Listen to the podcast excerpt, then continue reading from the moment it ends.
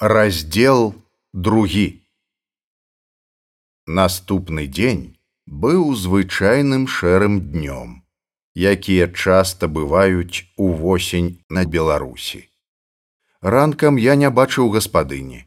Мне сказалі, што яна дрэнна спіць уначы і таму стае позна. Тварах містрыні, калі я сядзеў за сняданнем, быў нейкі воцат накіслы і такі надзьмуты, што непрыемна было глядзець. Таму я не затрымаўся за сталом, узяў у пакоі свой вялізны зашарпаны сшытак пяць алоўкаў, накінуў сухі плашч і, распытаўшы пра дарогу да бліжэйшага пачынка, выйшаў з пакоя. Мне адразу ж стала неяк лягчэй хоць наваколле не магло пахваліцца весялосцю. Толькі тут, на мокрай сцежцы, я змог добра разгледзець гэты дом палац. Уначы ён здаўся мне меншым, бо абодва яго крылы надзейна хаваліся ў паркавым гушчары і ўвесь першы паверх цалкам зарос здзічэлым, вялізным як дрэвы бэзам. А пад бэзам раслі высокія вышэй за чалавека жоўтыя вяргіні мясісты дзядоўнік глухая крапіва і іншая дрэнь. Высоўваў там сям як ва ўсіх вільготных мясцінах свае лапчастыя сцябліны падтыннік буялі мядзвежая дуда шыпшына ліснік. І на чорнай ад вільгаці зямлі сярод гэтага разнатраўя ляжалі белыя цвілі, відаць, абламаныя ветрам каржакаватыя сукі дрэў. Сляды чалавечай рукі былі відаць толькі перад уваходам, дзе змрочным пурпурам гарэлі на вялікай курціне познія астры. І дом выглядаў так змрочна і холодна, што сэрца сціснула. Быў ён двухпавярховы, з вялізным бельведэрам і невялікімі вешкамі па краях і вызначаўся той адсутнасцю архітэктуры, якая была тыповай для беларускіх палацаў у тыя часы, калі нашы продкі кінулі будаваць замкі, але яшчэ патрабавалі ад дойлідаў, каб яны рабілі палацы падобнымі на гэтыя замшэлыя старыя берлагі. Я вырашыў ісці ў пачынак не раней, як агледзеўшы ўсё тут і пайшоў па алеі. Чорт ведае, які дурань вырашыў насаджаць у такім змрочным месцы яліны. Але гэта было зроблена. І дрэвы, якім было ніяк не менш за сотню год, зрабілі мясцовасць толькі трошкі больш прыемнай, ніж славуты лес у данте. Яліны тоўстыя, дваім не абхапіць, падступалі да самых муроў палаца, заглядалі лапамі ў вокны, узвышаліся сіне-зялёнымі конусамі над дахам. Стаўбуры іх зацягнула сівая барада мхоў і лішайнікаў ніжнія галіны звісалі да зямлі як шатры, і алея нагадвала вузкае міжгор'е.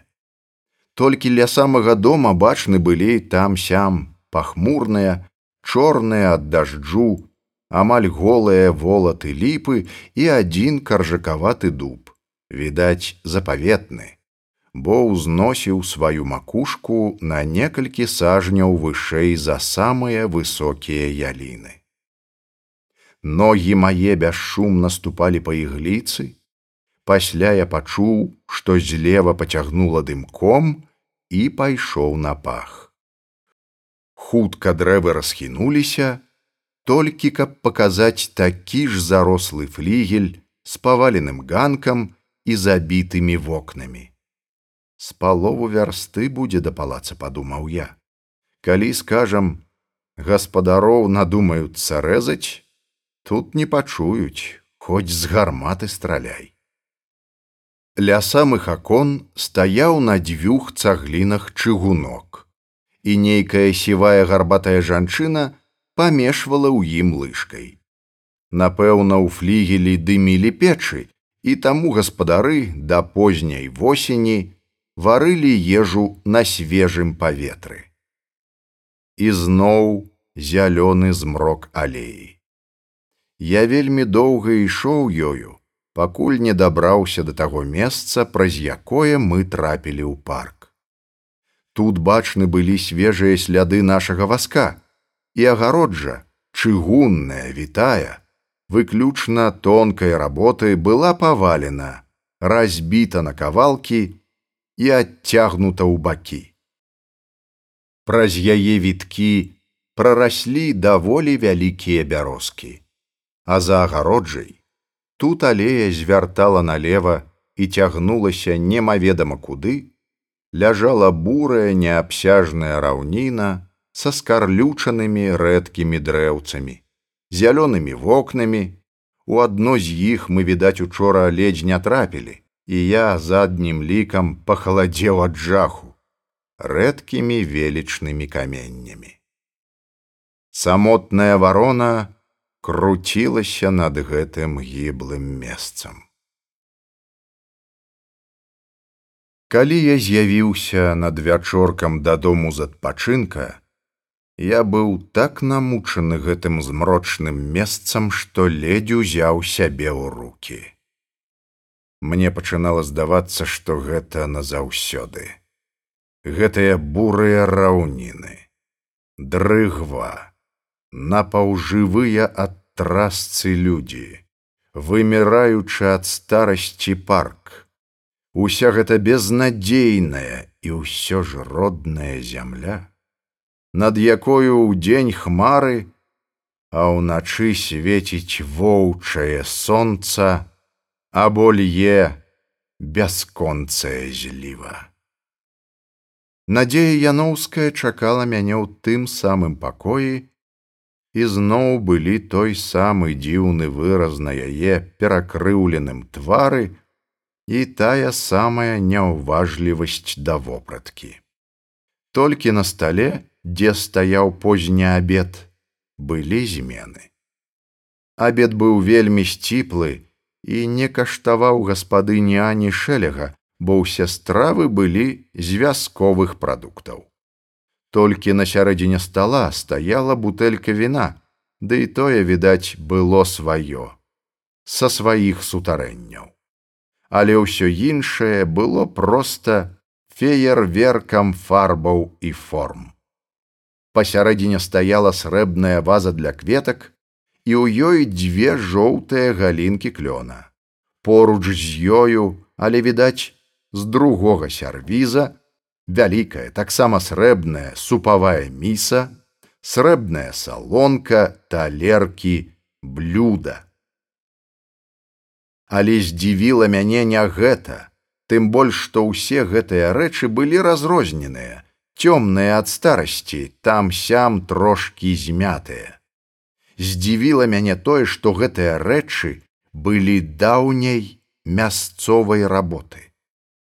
Вы, вядома, ведаеце, што стагоддзі два-тры таму срэбная і залатая пасуда ў Беларусі была пераважна нямецкай работы, вывезеная з прусаў.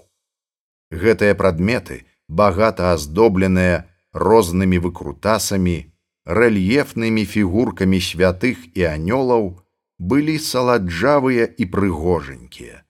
Да таго што хацелася ванітаваць.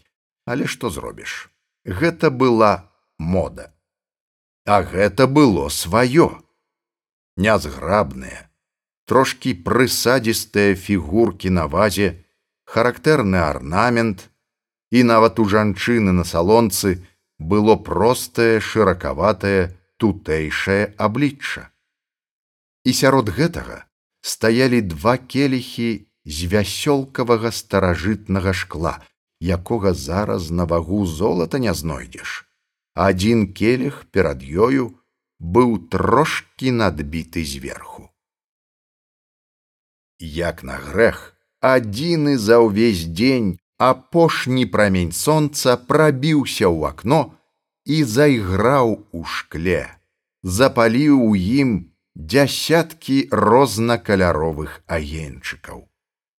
Гаспадыня, напэўна, заўважыла мой позірк і сказала: « Гэта ўсё апошняе з тых трох прыбораў, якія засталіся ад продка рамана жысь яноўскага. Але ходзіць недарэчнае паданне, быццам гэта падарунак яму ад караля стаха. Праўда, сёння яна неяк пажвавела. Здавалася, нават не такое непрыгожай, відаць, ёй падабалася новая роля. Мы выпілі віна і паелі, амаль увесь час размаўляючы. Віно было чырвонае, як гранат, і надзвычай добрае. Я зусім развесяліўся, смяшыў гаспадыню, і нават у яе з'явіліся на шчоках дзве не вельмі здаровыя ружовыя плямы. А чаму вы дадалі да прозвішча вашага продка гэты прыдомак жысь? Даўняя гісторыя, зноў змрочна сказала яна.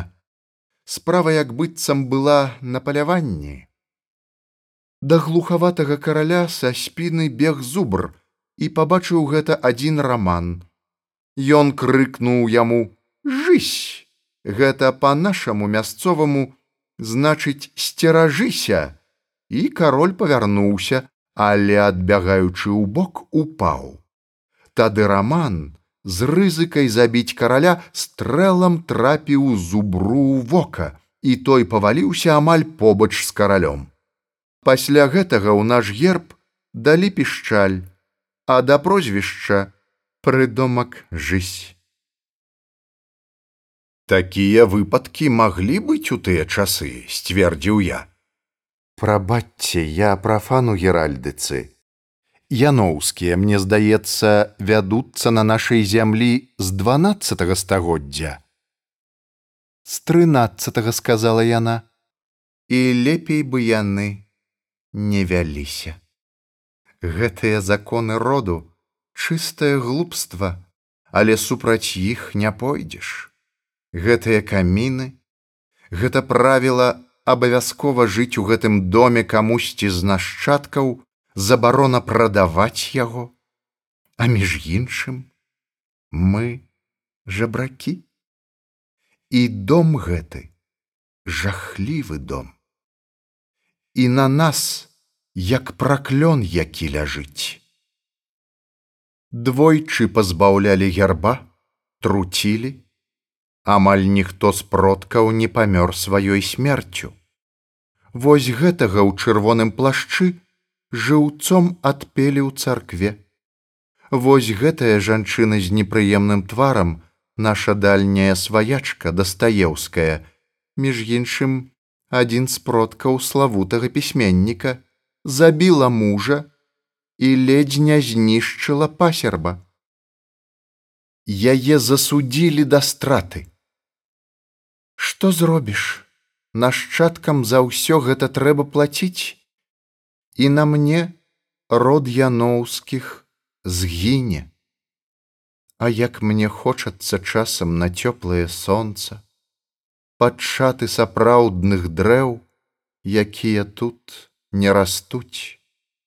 Мне часам сняцца яны, маладыя, вялізныя, пышныя, як зялёнае воблака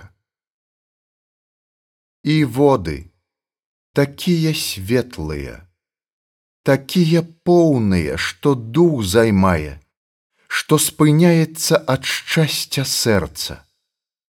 А тут гэтыя агідныя яліны, дрыгва, змрок. Полымя каміна наружовіла яе твар. За вокнамі ўжо залягла глыбокая чорная ноч, і, відаць, пачалася зліва. Ах, пан беларэцкі, я такая шчаслівая, што вы тут, што ёсць поруч чалавек, звычайна я ў такія вечары голасна спяваю, але я і песень добрых не ведаю. Усе старыя, з рукапісных кніг сабраных дзедам і там жахі Чалавек цягне парасянцы чырвоны след, а звон, які даўно патануў у дрыгве, гучыць па начах, гучыць. Прыходзяць дні, адыходзяць дні, заспявала яна глыбокім дрыжачым голасам. Прыходзяць дні, адыходзяць дні, на святло наплывае тень. Б'ецца з каско з кірдзяём пацуком, б'ецца і ноч і дзень. Кроў ад напругі з пазногцяў бяжыць, шабля ў полымя мечуць паны, і упаў з каско і паклікаў ён, Дзе ж вы, другі, не чуюць яны. Любка Юр'еўна ўчула голас яго, пазбірала свой моцны рот, і пабеглі есмо на конях яны да далёкіх рудых балот. А далей дрэнна, не хачу спяваць, толькі і добра, што апошнія радкі. І яны пілі адзін аднаго, і яны ў згодзе жылі. Пакуль сонца ззяла над грэшнай зямлёй, пакуль разам у дол не сышлі. Я быў глыбока, ад усяго сэрца расчулены. Такое пачуццё бывае толькі тады, калі чалавек глыбока верыць у тое, пра што спявае. І якая цудоўная старая песня. А яна раптам уткнулася тварам у далоні і зарыдала. Даль Бог. Сэрца маё аблілося крывёю. Што зробіш я наогул, недаравальна жаласлівыя. Не памятаю, якімі словамі я яе суцяшаў. Паважаны чытач. Да гэтага самага месца я быў, так бы мовіць, суровым рэалістам у сваім апавяданні. Вы ведаеце, я невялікі ахвотнік да раманаў у духу мадам Радкліф і першы не паверыў бы, каб хтосьці расказаў мне такое. Тон майго апавядання рэзка мяняецца. Паверьте мне, Каб усё гэта было выдумкай, я б выдумаў гэта зусім іначай. У мяне ўсё ж добры густ. А такога ніводны з паважаючых сябе раманістаў не насмеліўся прапанаваць сур'ёзным людзям. Але я распавядаю шчырую праўду. Мне нельга хлусіць, А гэта для мяне занадта сваё, занадта важлівае.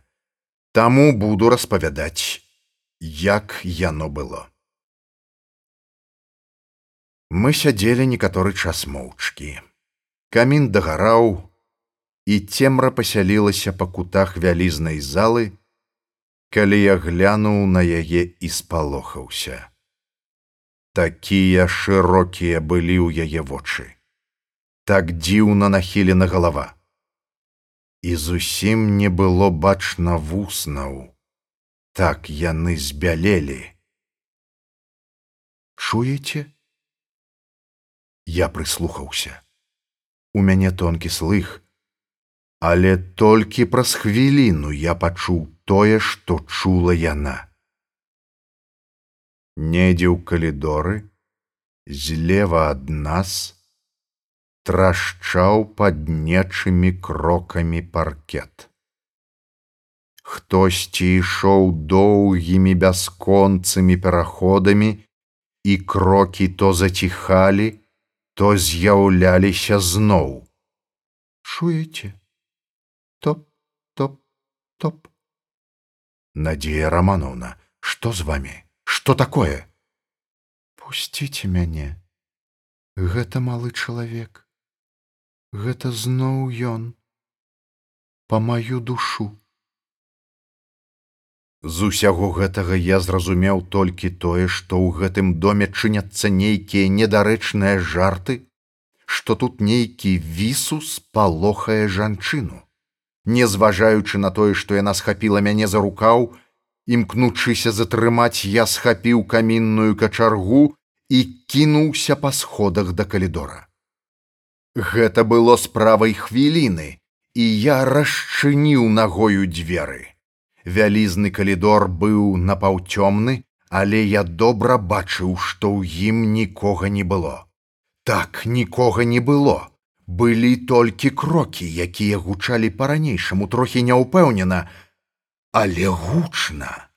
Яны былі зусім блізка ад мяне, але патрохі аддаляліся ў другі канец калідора.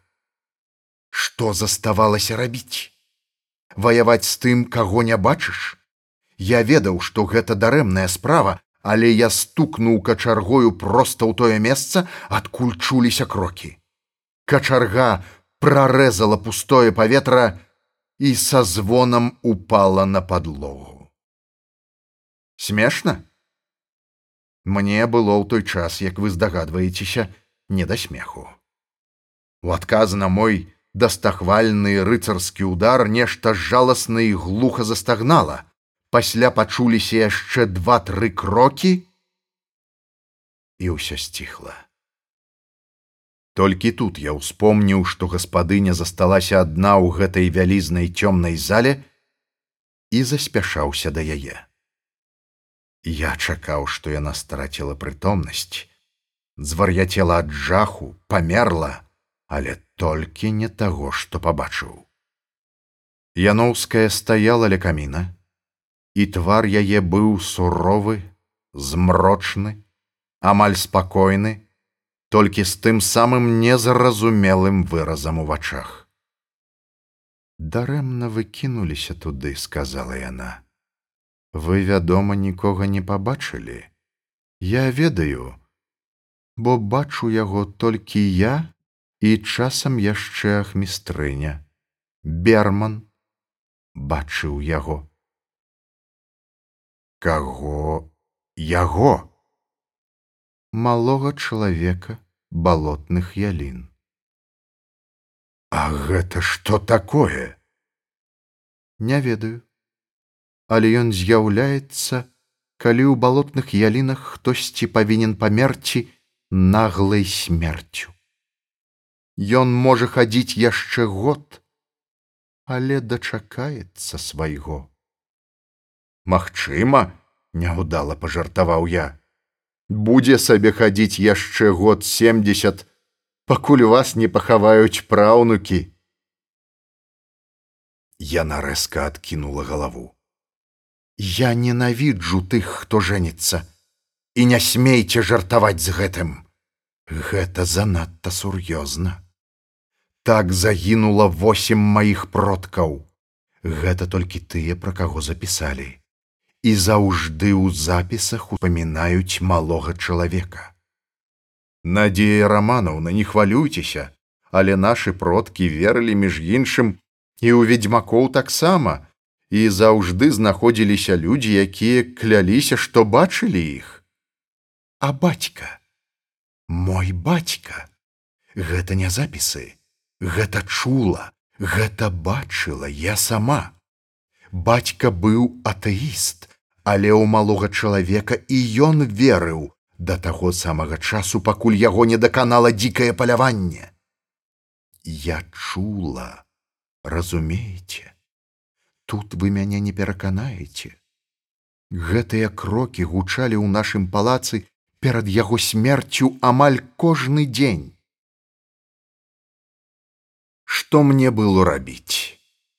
Пераконваць яе што гэта была слухавая галюцынацыя? Але я не галюцыніраваў.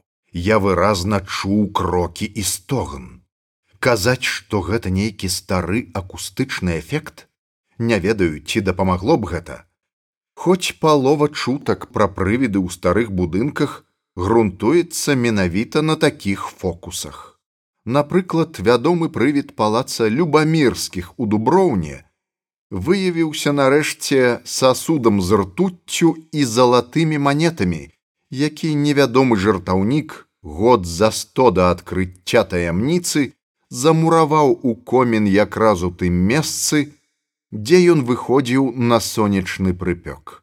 Варта было начному холаду начаць змяняцца на дзённую спякоту, як амаль ва ўсіх пакоях другога паверха пачыналіся дзікі лямант і шоргат. Але хіба пераканаеш у гэтым дурненькае дзяўчо? Таму я з важным выглядам спытаў: « А хто ён такі? Які ён гэты малы чалавек балотных ялін? Я яго бачыла тройчы і ўсё наводдаль. Аднойчы гэта было перад самай смерцю бацькі. Двойчы нядаўна, а чула, можа сотню разоў. І я не спалохалася, толькі апошні раз, можа, трошки. Я пайшла да яго, але ён знік. Гэта сапраўды малы чалавек. Можа, па грудзі мне. Ён худы нагадвае заморанага дзіцёнка. У яго сумныя вялікія вочы, надта доўгія руки і ненатуральная выцягнутая галава. Апрануты ён як дзвесце год таму, але на заходні манер. Вопратка зялёная. Ён звычайна зварочваў ад мяне за паваротку калідора і пакуль я дабягала знікаў. Хоць гэты калідор зусім глухі.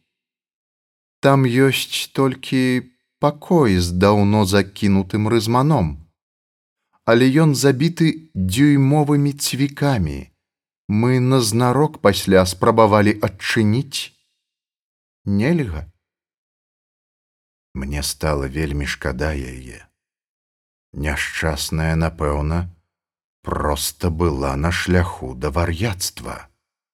І гэта яшчэ не ўсё, насмелілася яна.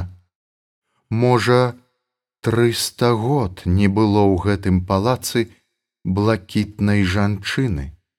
Бачыце, вось той, што на партрэце. Сямейныя паданні казалі, што яна, задаволіла прагу помсты, але я не верыла. Гэта была не такая асоба. Калі яе ў 1501 годзе цягнулі на страту, яна крыкнула мужу: « Косці мае не супакояцца, пакуль не здохне апошняе змеяня гэтай пароды.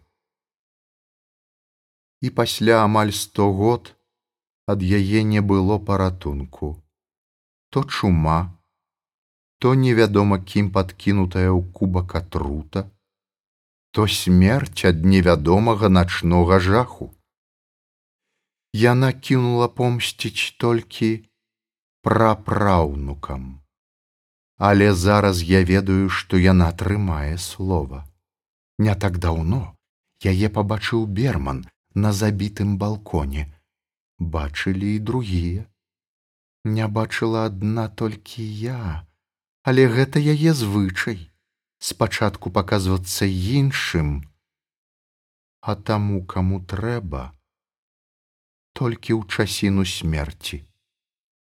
Мой род знікне на мне, я гэта ведаю.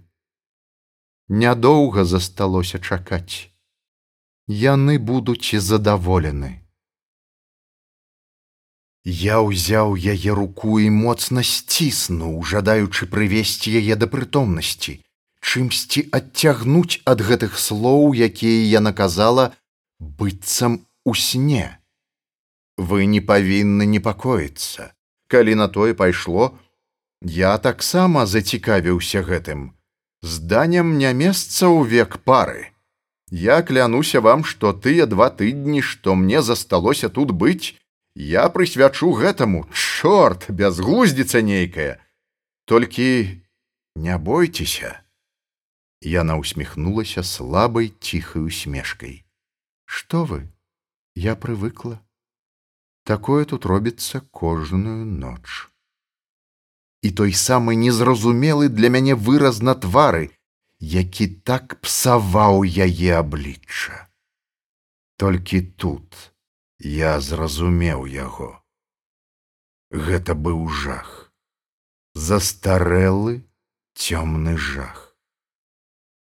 Не той жах, які прымушае на хвіліну стаць дыбарам валасы, а жах, які настойваецца гадамі, які становіцца нарэшце звыклым станам для арганізма, ад якога не пазбаўляюцца нават у сне.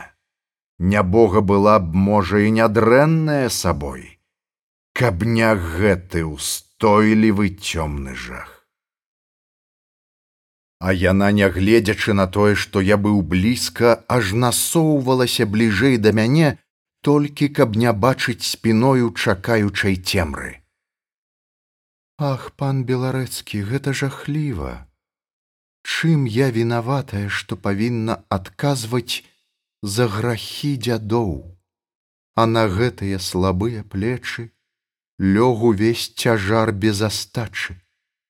Ён ліпкі і цёмны, Каб вы ведалі, колькі крыві, забойстваў, сірочых слёз, звычайнага бруду на кожным шляхецкім гербе, колькі забітых, зашмаганых да смерці, пакрыўджаных. Мы не маем права на існаванне, нават самыя сумленныя, самыя лепшыя. У нашых жылах не блакітная, а брудная кроў. Няўжо вы думаеце, што ўсе мы да двадцатого калена не павінны адказваць за гэта, адказваць жахам, галечай, смерцю. Мы былі такія абыякавыя да народа, які пакутаваў з намі поруч і ад нас, мы лічылі яго быдлам, Мы лілі віно, а яны лілі кроў. Яны не бачылі нічога, акрамя дрэннага хлеба. Пан Дубатоўк, мой сусед, аднойчы прыехаў да бацькі і распавёў анекдот пра тое, як маці сялянка прывяла сына да пана, і той пачаставаў іх калдунамі з мясам. Дзіцёнак спытаў, што гэта такое. Маці, па вясковай далікатнасці штурхнула яго нагою і шапнула маўчы. Дзіцёнак з'еў тое, што было на талерцы, пасля ўздыхнуў і ціха сказаў: « А я дзесяць маўчоў з'еў. Усе, хто слухаў анекдот, смяяліся, А я здатная была даць дубатоўку ляпасу. Гэта не смешна, калі дзеці ніколі ў вочы не бачылі калдуноў, ніколі ніколі не елі мяса. У іх рэдкія валасы, крывыя ногі. У чатырнаццаць год гэта зусім дзеці, а ў двадцать пять дзяды са зморшчанымі старэчымі тварамі. Як іх не гадуй, яны народзяць такіх самых дзяцей калі наогул народзяць. Яны адказвалі нам паўстаннямі, лютавалі ў гэтых паўстаннях, бо да гэтага цярпелі цэлае стагоддзе нечуваную крыўду. І мы пасля страчвалі іх. Вось гэты на сцяне ў бабровым футры закатаваў нават свайго стрыечнага брата, які стаў на бок вашчылаўцаў. Прозвішча брата было Агей Грынкевич Яноўскі. Якія мы былі абыякавыя. Такія самыя двухногія, як мы, елі траву, Хоць край наш шчодры і багаты, лепшы на зямлі, ніколі не прымусіць чалавека памерці ад нястачы ежы. Мы гандлявалі радзімай, прадавалі яе хцівым суседзям, а сяляне любілі яе сваю мачыху і падыхалі ад бясхлеб'я. І хто абвінаваціць іх, калі яны возьмуць вілы і ўваб'юць іх нам у грудзі? Мне здаецца, што нават праз сто год, калі ўсе мы вымрам, калі нашчадкі гэтых няшчасных выпадкова адшукаюць нейкага шляхціца, яны будуць мець поўнае права забіць яго. Зямля не для нас. Я глядзеў на яе са здзіўленнем. Гэты запал, гэта натхненне ўласным словам зрабілі яе твар незвычайным. Я толькі тут зразумеў, што ніякая яна не непрыгожая, што перада мною незвычайная дзяўчына, прыгожая дзіўнай, трохі вар'яцкай прыгажосцю. Ух, якая гэта была прыгажосць! Напэўна, такімі былі нашы старажытныя прарочыцы, якія біліся ў атрадах мурашкі і мужыцкага хрыста. Гэта была прыгажосць незямная, замучаная з горкімі вуснамі і вялікімі чорнымі сухімі вачыма. І раптам, Усё гэта знікла. Перада мною зноў сядзеў той самы заморак. Толькі я ўжо ведаў, якая яна на самай справе. І ўсё ж мне вельмі, вельмі не хочацца паміраць. Я так хачу сонца іншых нябачаных мною лугоў дзіцячага смеху. Я вельмі жадаю жыць хоць і не маю на гэта права. Толькі гэта і дало мне магчымасць вытрымаць гэтыя два гады хоць выйсця няма тут начныя крокі малы чалавек блакітная жанчына. Я ведаю, я памру. І ўсё гэта дзікае паляванне караля стаха. Каб не яно, мы, магчыма, яшчэ жылі б, Яно заб'е нас. І яна змоўкла змоўкла на цэлую гадзіну, пакуль не прыйшоў час ісці па пакоях. І калі да гэтага вечара я быў абыякавы да гэтай заморанай шляхцяначкі. Дык пасля яе палкіх слоў зразумеў, што нейкім дзівам з яе атрымаўся сапраўдны чалавек гэтаму чалавеку трэба было абавязкова дапамагчы. І лежачы ў цемры з адкрытымі вачыма, я амаль да ранку думаў, што калі учора я вырашыў ехаць праз два дні з брыдкага месца і далей ад радавітай гаспадыні, дык зараз я застануся тут на тыдзень два тры на месяц каб разгадаць усе гэтыя таямніцы і вярнуць сапраўднаму чалавеку заслужаны ім спакой